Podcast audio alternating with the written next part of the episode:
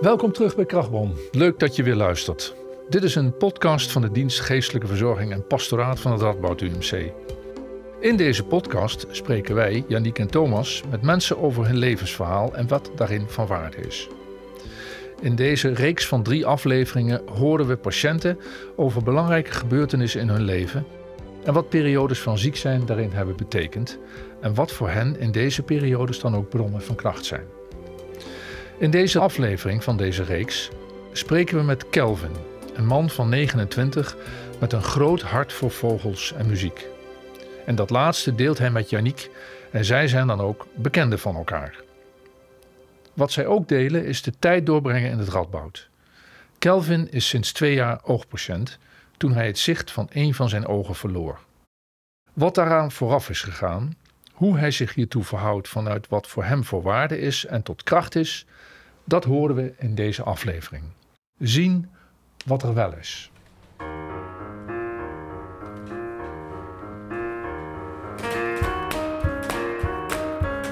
Kan je mij eens vertellen waar jouw ziek zijn, als je dat zo al noemt, is begonnen? Begonnen? Ja. Nou, de directe aanleiding ehm, was twee jaar geleden dat mijn uh, ooglens uit mijn oog gescheurd is. Soort van. Daar, daarvoor ben ik nu onder, onder behandeling bij de Radboud. Dus dat, er zit een, je ooglens zit in een kapsel en dat was uitgescheurd. En toen was die ooglens in mijn oog gevallen. En toen moesten ze heel snel uh, gaan opereren. En toen hebben ze dat gedaan. en toen is het eigenlijk begonnen. Mm Dus eigenlijk een heel snel periode dat het uh, opeens heel, uh, helemaal misging. Mm -hmm. En dat het daarna echt heel lang is misgegaan. Ja. En helemaal misging, dat, dan bedoel je? Nou ja, dat, dat, nou ja uh, op een gegeven moment, ik was eigenlijk net van plan om een andere baan te gaan zoeken. Ik heb twee jaar bij boekhandel gewerkt en ik dacht van, ik ga, uh, ja precies. Ik ga nu een echt grote mensenbaan zoeken en uh, ik heb echt zin in en gaan doen. en toen nou ja, viel mijn oog eruit, ongeveer. Ongeveer. Dus dat, dus dat, is best, dat was best wel, dat ging best wel mis. Klinkt ook best wel plots. Ja, dat was super plots. Was, ja, één dag was, had ik een soort van rare veeg over mijn uh, zicht. En uh, toen dacht ik van, hm, ik even in de gaten houden. Want ik heb dus al staar gehad uh, toen ik 19 was. Dus ik heb al ook problemen.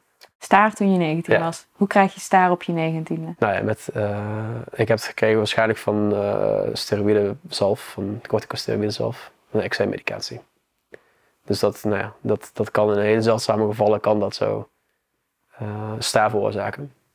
Ja, dus bij mij is dat zo, aan beide ogen Mm -hmm. zo gekomen. Ja, dus die, daar zat al een kunstmatige lens in, dus ze hadden al een lens eruit gehaald en er weer ingezet, 19, toen ik 19 was. En uh, nou ja, die lens, die kunstmatige lens, die is er dus uiteindelijk uitgescheurd. Waarschijnlijk omdat er al een scheurtje zat in die uh, zakje, omdat ze dat erin moeten doen en eruit moeten halen. Dus er is iets misgegaan met iets wat al super onwaarschijnlijk was. Ja, het is eigenlijk een kettingreactie aan, uh, aan uh, toevalligheden en uh, narigheden aan elkaar. Die helemaal teruggaan toen, van toen ik kind was eigenlijk. Kan je daar iets over vertellen? ja, nou ja, dat is allemaal een beetje conjecture, zeg maar. Dat is een beetje... ik weet het allemaal niet zeker natuurlijk. Dus daar denk ik is, is zo'n zo'n ziektetraject denk ik ook iets wat je zelf een beetje voor jezelf maakt. Een soort van narratief wat je zelf voorhoudt. Weet je wel, zo van, en andere mensen vertelt vooral. Weet je wel, zo nou ja, dit is toen gebeurd, en toen dat, en toen dit, en toen waarschijnlijk dit. Weet je wel, en dat, snap je wat ik bedoel? Ja, ja. Je, je zegt je, je ziekteproces is een narratief dat je aan jezelf en aan anderen vertelt. Ja, nou ja, een tijdje wel. Want ik bedoel, je kan heel erg letterlijk gaan kijken van die datum ben ik daar geweest. Oh, toen ben ik bij de oogarts geweest. Toen is er dit gezegd. En toen, die datum ben ik geopereerd. En toen ben ik weer een keer geopereerd en zo. Mm -hmm. En dan ga je terugdenken van, oh ja, toen ik 19 was, had ik sta, weet je wel. En dat kwam door die medicatie. Maar eigenlijk sta je er heel erg ver vanaf.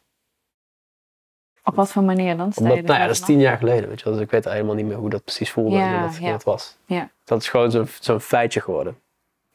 Ja. Ja, net zoals mijn, ouders altijd vertelden dat mijn eczeem, waar ik dus die medicatie voor had, die uiteindelijk er heeft voor gezorgd dat, dat het ook misging, dat het waarschijnlijk is getriggerd door die eerste vaccinaties die je als, als baby krijgt. Um, en nou ja, dat is dus iets wat je niet kan bewijzen of iets kan, wat je kan factchecken of zo. Behalve dat je heel goed kan zien van, toen heb ik die gekregen en toen heb ik daarna, een week daarna lag ik in het ziekenhuis als babytje. Dus dan heb je eigenlijk een hoop informatie gekregen nog voordat jij eigenlijk jezelf kon beseffen dat je, ja, eh, dat je ik, ziek ik werd. wist niet beter, weet je wel. Dus Ja. ik had, ik heb, als vanaf babytje ben ik al, heb, ik- ben ik al huidpatiënt in die zin. Dat ik al gewoon altijd naar het ziekenhuis moest om allergiechecks te doen en eh, naar huidmedicatie en dan heel lang homeopathie gedaan, omdat mijn ouders dat beter vonden daarna, weet je wel. Dus dat is een soort van, als dat al zo lang speelt vanuit je kindertijd, dan weet je na een tijdje weet je gewoon eigenlijk niet meer precies hoe dat allemaal is gegaan. Mhm. En dan zijn het meer feiten die jou verteld worden over jou. Ja, en die mix je dan met dingen die je zelf hebt meegemaakt en die je kan herinneren. Dat lijkt me best wel bi- bizar eigenlijk. Want je, Ja. je, je, je zei op een gegeven moment sta je daar ook ver van af. Maar het is Ja, want je vertelt het de hele tijd tegen jezelf. Je bent het zelf, maar het Ja. is een soort van versie die ook behapbaar is voor andere mensen. Want je wilt niet altijd al je, je, je hele medische geschiedenis en je hele persoonlijke geschiedenis op tafel leggen als je mensen gewoon niet heel goed kent. Of Ja. mensen gewoon vragen wat er is gebeurd. Dan is het gewoon, nou ja, ik heb iets van, ik heb iets aan mijn ogen. Ja. Ik heb ook eczeem al mijn hele leven, weet je wel. Ja. Mhm.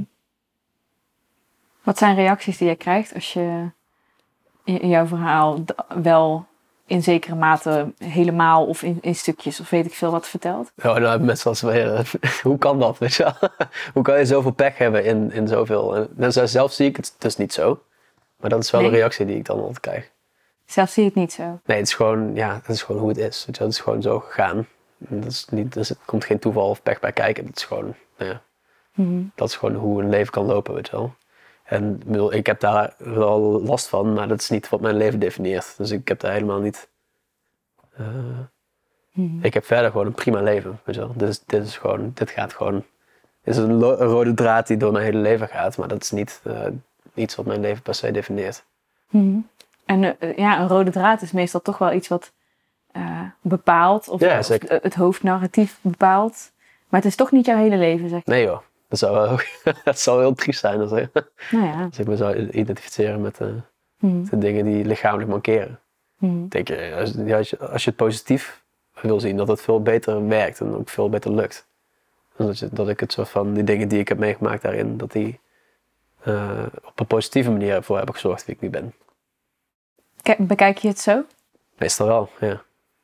Meestal. Ja, nee, af en toe dan heb je dan van, ja, nou ja, heel veel ellende en heel veel, eh, eh, vooral met het eczeem, ja, voor, voor mensen die dat niet kennen en zo, die dat niet weten. Het kan gewoon heel na zijn, want dat heb ik gewoon heel, heel erg eczeem gehad. Dus momenten dat je gewoon niet kan bewegen, dat je niet eh, je bed uit kan, omdat je hele huid open scheurt en dat soort onzin. Ja. Dat is super naar en dat, bedoel, dat bepaalt je leven wel als je daar middenin zit. Ja. En Ja. dat kan, ik heb dat wel eens twee jaar achter elkaar gehad en dan kan je gewoon niks anders dan gewoon overleven en doorgaan, weet je wel. Mhm. Maar ja, daarna is het voorbij en dan weet je het ook niet meer zo goed. dus dan ga je gewoon door en dan is dat even heel fijn. Zo, oh, ik kan alles weer en dan, daarna is dat weer normaal. Ja, dus tijd maakt eigenlijk dat die hele heftige periodes ook weer een beetje weg hebben. Ja, sowieso, die vergeet je gewoon. En dan af en toe komt het even omhoog en dan kan je er eh, iets mee of niet. Of dan... Zou je zeggen dat dat alleen met tijd te maken heeft of ook met hoe jij hiermee omgaat? Dat heeft denk ik met elkaar te maken omdat het al zo lang speelt. Mhm. Snap je? Ja. Dus als, Ja, je door, als, je, je- Nou, als je over je leven door een aantal van dat soort periodes gaat, dan leer je van elke periode leer je wel iets, neem je iets mee. En dan word je wel veerkrachtiger na een tijdje.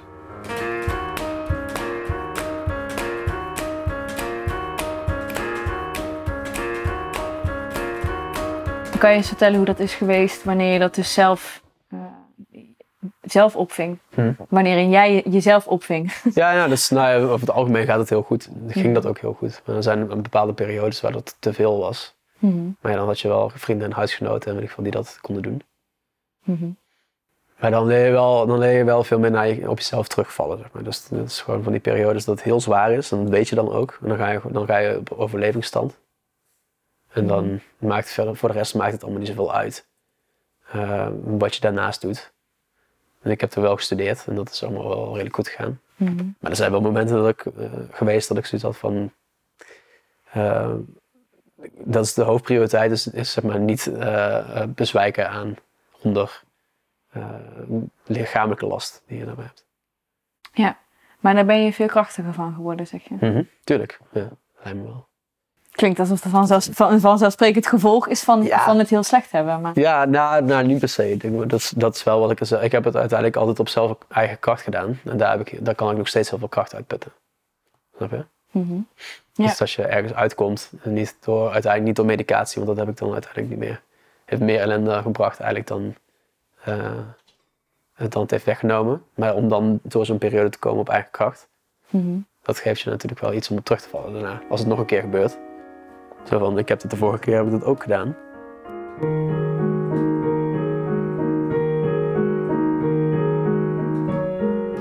Wim, fijn dat ik met jou even mag praten over het eh, gesprek tussen Kelvin en mij. Je bent een collega van mij hier op de dienst en eh, jij spreekt heel veel patiënten. En jij spreekt denk ik met hen ook veel over wat hen op de been houdt en hen kracht geeft. Dus ook onderdeel van ons werk in onze gespreksvoering. Ehm, ik kwam met Kelvin op ehm, wanneer hij het lastig heeft. Ehm, gaat hij nadenken over eh, wat houdt me nou op de benen? Wat heeft mij eerder geholpen? Hoe kan ik dat nu weer inzetten? Dat deed hij eh, zelf al. Ik denk omdat hij daar ook al best wel wat oefeningen in Mhm. heeft gehad. Als dat nou niet zo is en jij bent dat onderzoek naar die krachtbronnen aan het voeren, hoe doe jij dat dan? Ja, ja. Eh, meestal is het zo dat het ja, een heel belangrijke vraag, want het heeft te maken met het hart van ons werk. Als mensen beroep op ons doen, dan heeft dat er vaak mee te maken dat ze ergens mee zitten. Hè, of verschil noemen we dat soms een crisissituatie of iets dergelijks. Maar mensen zitten ergens mee. En de verleiding is groot om dan zelf dingen te gaan aanreiken. Om dan te zeggen dit of dat. En dan ontstaat er heel vaak toch een soort wel eens niet eens eh, gesprek van ja, dat heb ik ook geprobeerd, maar het lukt niet. Dan heb je dit al geprobeerd, dat geprobeerd. Het is eigenlijk veel fijner om in het levensverhaal van mensen mee te gaan en te gaan peilen. Wat heeft je vroeger in je leven tot hiertoe op de been geholpen? En dan gaat het eh, om krachtbronnen op verschillende manieren. Hè. Lichamelijke krachtbronnen waar mensen van genoten hebben, eh, ook lichamelijk. eh, ook een, psychische vitaliteit, de, welke positieve gevoelens hebben mensen, gevoelens van eigenwaarde ook. iets van het contact met anderen en natuurlijk ook hun eigen spiritualiteit. En wat ik dan vaak zie is, als je daarover met elkaar in gesprek gaat, dan, ja, als mensen erover beginnen te vertellen, dan, dan gebeurt er vaak iets bij hen. Dan zie je iets in hun ogen als ze Mhm. erover vertellen. En, en dat is eigenlijk wat je hoopt, dat ze dan eigenlijk op dat moment iets nieuws ervaren, iets wat zich aan hen aandient. En dat je eigenlijk als begeleider alleen maar hoeft in te koppen van, goh, zou dat nu ook iets voor je kunnen zijn, denk je? En dan leg je dat voor aan hen. En dan zie je vaak hoe mensen in zichzelf de moed verzamelen vanuit die krachtbronnen van, ik ga dit of dat proberen. En als je dat dan als gesprekspartner bevestigt, dan kunnen ze weer een stukje verder. Precies eh, in aansluiting met datgene wat dan eerder in hun levensgeschiedenis ook op de been heeft gehouden. Ja, doet me heel erg denken aan iets wat jij laatst zei. Je, je probeert mensen heel erg met, met zichzelf in gesprek te laten gaan. Ja, dat is denk ik het wezenlijk. Je bent eigenlijk een, een begeleider. Je staat erbij en je nodigt mensen uit tot een stuk ja, zelfonderzoek. Mm, hè, gesprek met zichzelf. En dat ondersteun je, dat bemoedig je. En vaak lukt het dan op een, e- in hun eentje niet om dat te doen. En dan zijn wij erbij om dat op een of andere manier de voorwaarden daar, daarvoor te scheppen. Mm, en ja. als mensen zo met zichzelf aan de slag zijn, ja, dan kunnen ze ook weer verder. Dan kan ik ook weer weggaan. Want dan zeg ik, oké, je hebt weer je weg gevonden. Nog even terug.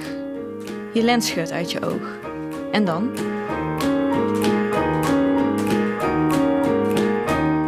En toen werd ik dus wakker met een soort van, na die dag met die wazen, want dat ik wakker werd dat alles onder water leek. En een soort van rare paarse gloed. Als ik zo links en eh, rechts keek, dan kwam er zo, het is heel psychedelisch. toen ben ik naar het ziekenhuis gegaan en toen was het van, oké, eh, wat is er aan, ja, dit, dit hebben we nog nooit gezien op deze manier. En hoe en wat. En toen, eh, meteen de dag daarna, moesten we iets van 15 artsen naar kijken bij eh, patiëntoverleg. Dus dan kom ik bij het CWZ. Dus van ja, kom morgen maar terug en dan gaan we met z'n allen naar kijken. En dan gaan we kijken wat we daar gaan doen. Dus toen zat ik daar en toen, ik weet nog heel goed dat ik daar met mijn toenmalige vriendin zat. En toen de hele tijd artsen een kamertje inliepen, zeg maar. Wij zaten zo in, in een zo'n gangetje. En toen was van, oh, wat gaan die daar allemaal doen? En toen ging de deur open van, eh, meneer Klaas, dan komt u maar even binnen. En toen liep ik zo die, in mijn eentje zo die kamer binnen. En dat was zo zo'n langwerpige kamer. Met aan de rand, aan een muur, allemaal witte lapjassen. en helemaal aan de achterkant een soort van zwarte stoel. Waar ik dan op moest gaan zitten. En toen ging iedereen om de beurt even naar mijn oog kijken van wat er aan de hand was, weet je wel. Mhm. En, maar ook allemaal studentassistenten en eh labassistenten, weet ik veel, die kunnen dan meekijken. En die gingen dan allemaal om de beurt even kijken wat er aan de hand was. En tegelijkertijd ook daarover praten, weet je wel. En dat was echt super, super raar. Dat is echt aan de, ene kant hartstikke hilarisch en surreal en eh, eh, surrealistisch. Mhm. En aan de andere kant was dat echt super kut. Mhm. Dus daar heb ik ook gezegd van ja, als je niet, niet moet kijken, ga dan even ergens anders over mij praten. Eh, Want wat deed dat met jou? Dat dan over jou werd gesproken in een soort van eh, casus lijkt wel. Ja, nou ja, ik, ik, bedoel, ik was dus al ook patiënt geweest. Dus ik wist best wel wat van het jargon al, van, van toen ik sta op had. Mhm. Dus ik wist ongeveer waar ze het over hadden, maar dan net niet genoeg om dan precies te... Dus ze hadden het allemaal over, ja, over, oh ja, IOL displacement en eh, oh, er zitten multifocale lenzen in en weet je wel, oh, het is er uitgescheurd en oh, misschien kan er wat worden vastgezet of weer eh, dat soort dingen, weet je wel. Maar ja, dus, dat wil je natuurlijk niet horen als je niet weet wat er aan de hand is. Nee, sure. Dus toen heb ik ze weggestuurd.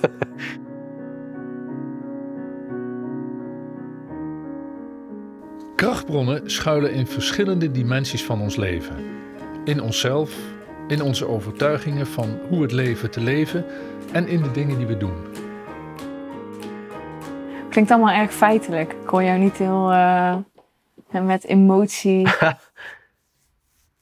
Ja, nee, wat. mm, ligt een beetje aan. Ik bedoel, ik ga er natuurlijk, voel ik daar dingen bij. Maar ehm, ik kan daar ook niet te veel bij stilstaan. Omdat nee, dat heeft helemaal geen zin. Snap je? Dit klinkt heel, heel koud en heel mechanisch, want dat is het helemaal niet. Ehm, Kun je eens uitleggen wat, wat dat, waarom het geen zin heeft? Of wat dat die zinloosheid dan inhoudt voor jou? nou ja, het is, het is een hele kleine stap naar zelfmedelijden ook. Snap je wat ik bedoel? Dus als je de hele tijd zoiets hebt van, nou ja, het is echt zo kut wat er nu aan de hand is. En ehm, ja, die onzekerheid, die, die, die machteloosheid, die is wel lastig. Daar, daar, daar worstel je af en toe mee. Van ja, dit, dit overkomt mij en dat, is, eh, dat beperkt mij. En ik ben klaar om weer door te gaan. Ik wil heel graag volgende stappen zetten en zo in mijn leven. Mhm. Maar daar word je op teruggehouden. Dus dat is, Ja. dat is, dat is misschien wel het meeste, eh, waar ik het meest last van heb op dit moment.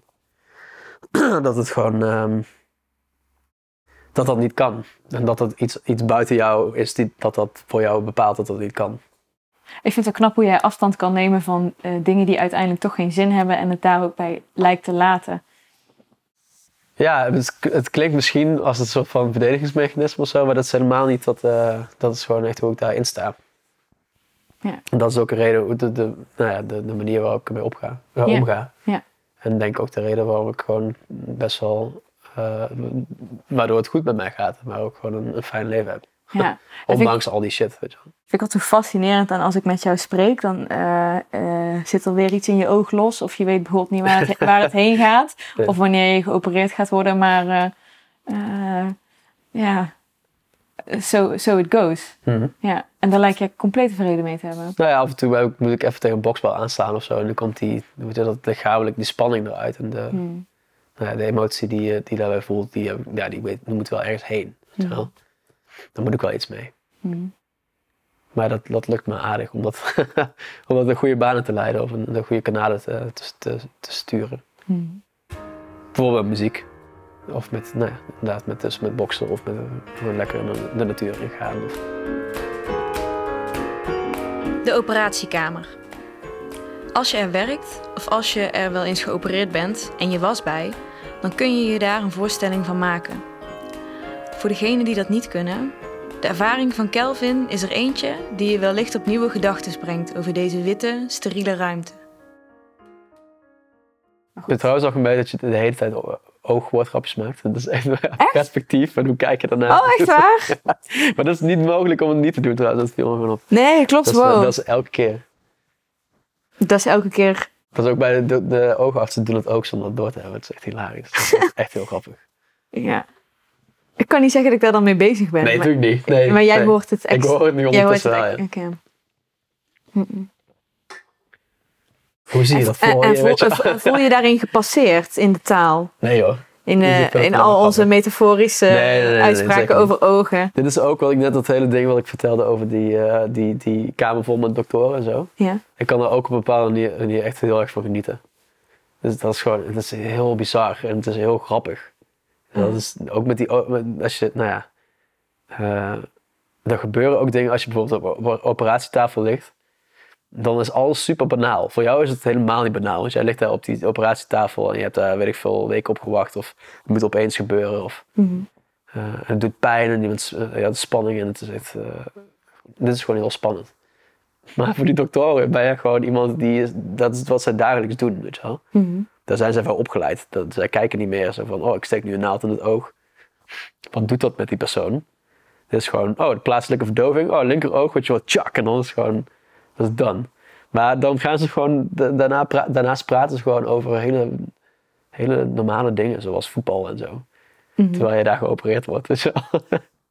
Wat super grappig is. En dat soort momenten, die, momenten die kunnen je gewoon, I don't know, daar kan ik wel van genieten. Dus het is niet alle- alleen maar kommer en kwel. Het is gewoon, Zelfs op de operatietafel. je moet daar wel ook wel, daar probeer ik wel zoveel mogelijk voor open te staan. Om, om de, de, eh, om de grap erin te zien. Weet je om, te, nou ja, om daar gewoon op een bepaalde manier van te kunnen genieten. Weet je. Toen, nou, ik ben ook nog geopereerd aan mijn neus vorig jaar. Er was een, tumortje gegroeid en die is eruit uitgehaald. En toen lag ik daar op die operatietafel. Toen kwam de, de, de chirurg kwam zo met een boek aan. En dat heette, wat ze ging doen op mijn neus, facial flap surgery. toen hield ik het gewoon echt niet meer. Ik heb denk ik vijf minuten, of, ja nee, in mijn hoofd was het vijf minuten, maar lang zitten lachen gewoon. Ik had gewoon slappe lach.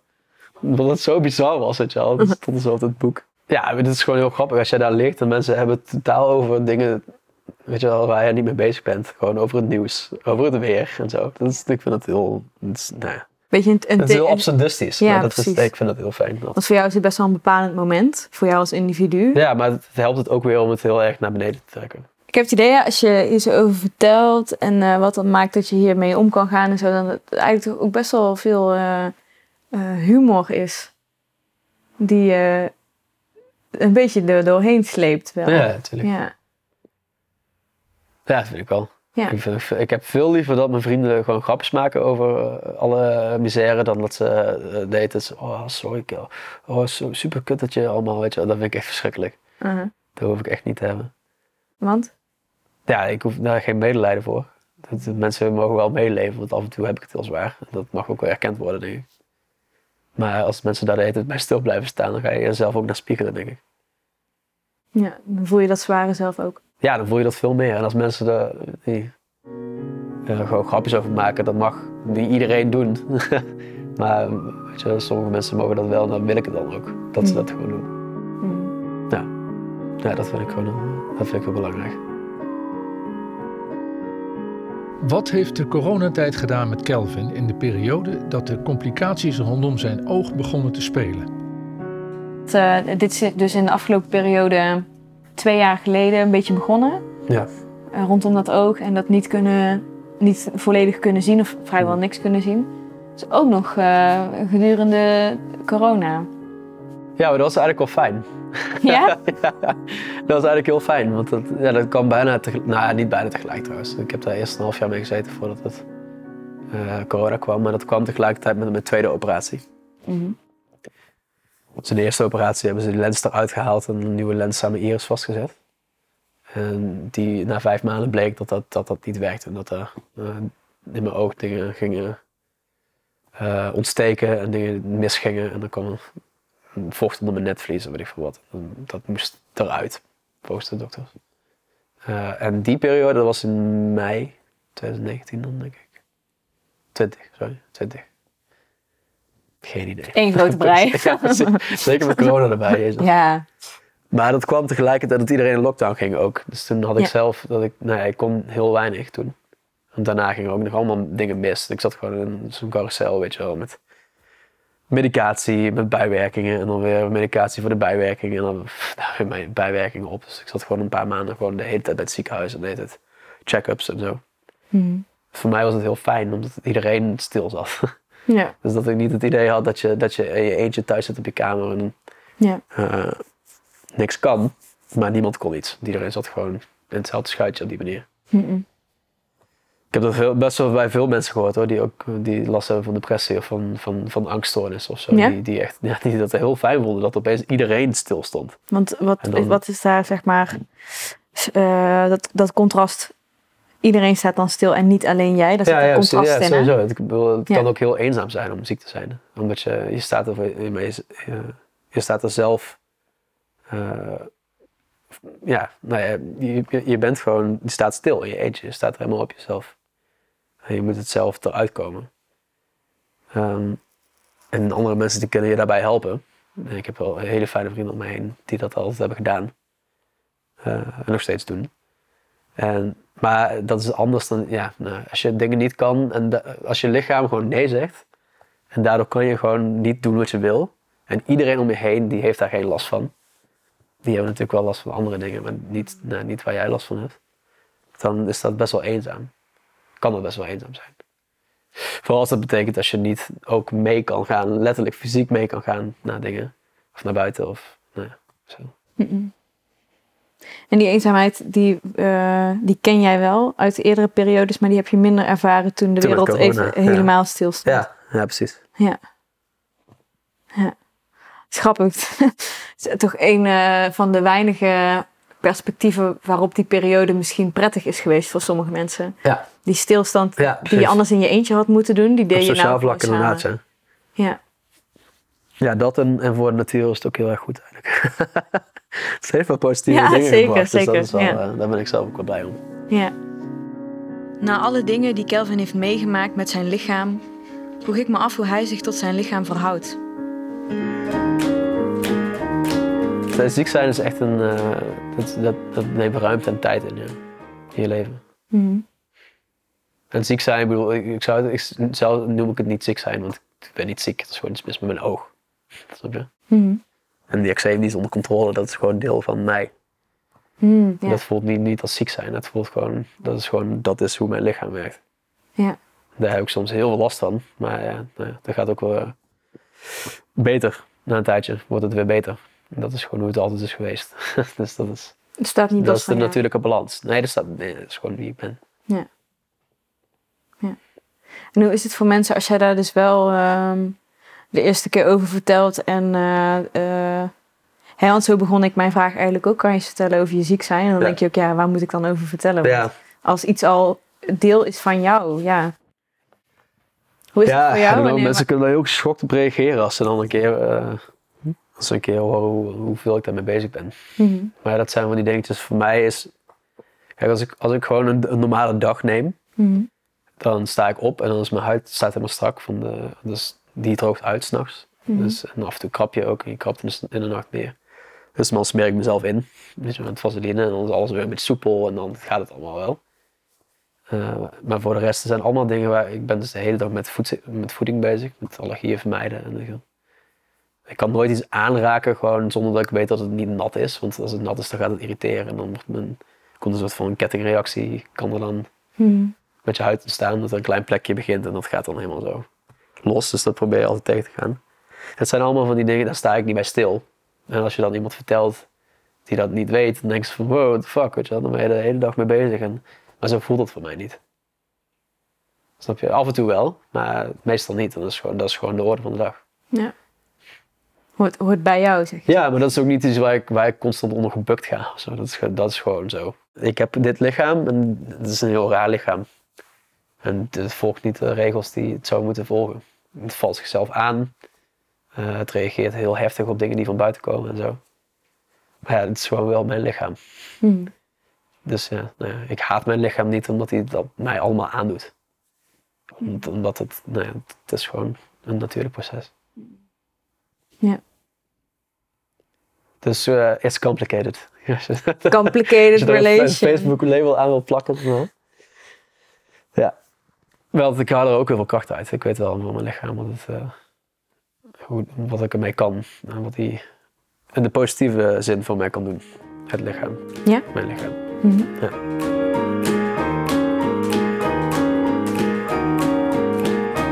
Thomas, hoe eh, heb jij geluisterd naar dit interview? Ja, ik, eh, als ik nou heel eerlijk ben, met open mond. Ja, ik denk vaak is het beter om maar te luisteren en niks te zeggen. Want ik heb zoveel, uh, ja, dan denk je, er kan heel veel in een mensenleven gebeuren. En hij zegt zelfs op een gegeven moment ergens: hoofdprioriteit is dat ik niet bezwijk onder mijn lichamelijke last. Hmm. Um, iets verderop hoor ik weer dat hij zegt van... het belangrijkste is positieve dingen. Dat, uh, daar moet, die houden mij staande. Hij noemt ook fijne vrienden, geloof ik, ergens in het interview. Mm -hmm. hè. Dan denk ik van, uh, ook over zijn oog. Ja, oké, okay, zegt hij dan, prima. Maar het is, niet, het is een ziekte. Maar het is niet zoiets van, uh, daar leid ik onder of zo. Dat, ja. ja. mijn lichaam doet dat nou eenmaal. Over dat eczeem, zegt hij ook zo mooi.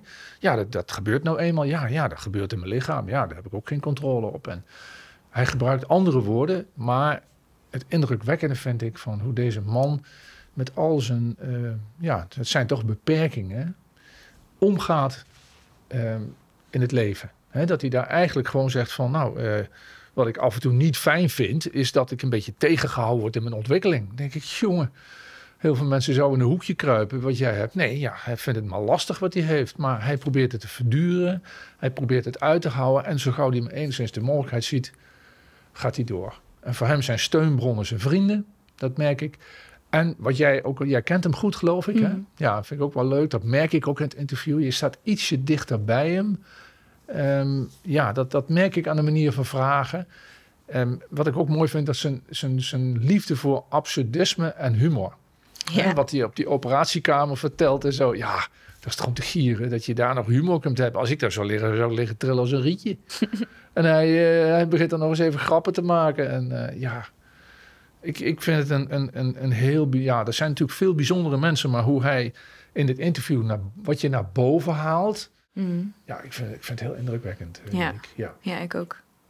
Ik vind het echt indrukwekkend. Ja. ja. Weet je wat ook interessant was? We waren klaar en de microfoons waren af. Ja. En toen zei hij, uh, had ik helemaal niet verwacht dat hij ermee bezig zou zijn.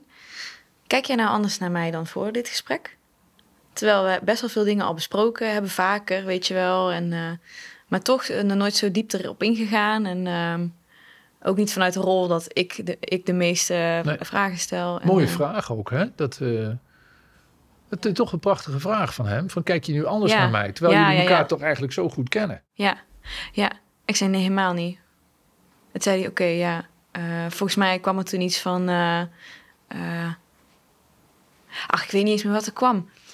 Maar ik dacht wel...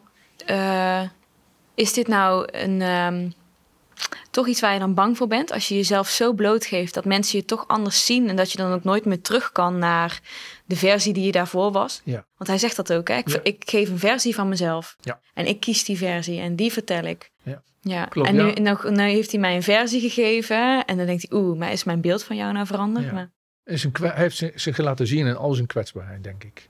Want hij zegt ook inderdaad ergens weer eh, van... ik sla heus wel eens even eh, tegen de muur aan. Of hij maar gebruikte een Ja. uitdrukking van... Ik, ik verzet me ook heus wel eens eventjes. En ik ben ook wel eens boos. En ik ben ook wel eens dat het niet wil. Of, maar niet zijn woorden, maar soortgelijke pik ik Mhm. eruit op. ja. Ik had nog wel één vraag aan jou. Jij noemde in de intro... eh, las ik dat hij zijn passie voor vogels had. Maar dat komt helemaal, helemaal niet, naar boven. Hè? Nee. nee. Hij is echt een hele fanatieke vogelaar. Hij is een vogelaar. Hij weet er super veel van. Ja. Ja. Ja. ja. Weet je wat ik wel mooi vind, hè? Dat hij dan straks gaat horen dat jij met zoveel bewondering hiernaar kijkt. Terwijl hij best wel veel van zijn kwetsbaarheden komen hierin terug. Ja. Eh, en ik hoop dan dat hem dat ook iets geeft als hij aan mij vraagt: hoe kijk je nu naar mij? Iemand die hem nog nooit gehoord heeft, hoort dit. En die heeft toch zoveel bewondering daarvoor. Ja. Ik denk dat dat wel goed doet. Oké, mooi. Fijn dat je hebt geluisterd. We hopen dat het je aan het denken heeft gezet en inspireert. Tot de volgende keer. Wil je meer afleveringen van deze podcast beluisteren? Abonneer je dan via jouw favoriete podcastplatform.